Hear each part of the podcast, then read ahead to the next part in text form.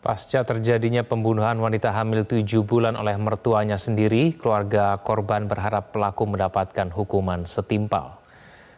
Rumah Hoiri, pelaku pembunuhan terhadap menantunya yang sedang hamil tujuh bulan yang juga merupakan kediaman korban Fitria dan suaminya Sueb Wibisono di Dusun Blimbing, Kecamatan Purwodadi, Kabupaten Pasuruan, Jawa Timur, masih terpasang garis polisi. Warga masih terlihat bergantian melayat ke rumah duka. Jasad korban telah dimakamkan di TPU Desa Parerejo pada Rabu pagi. Atas peristiwa pembunuhan, kakak korban berharap pelaku mendapatkan hukuman yang setimpal.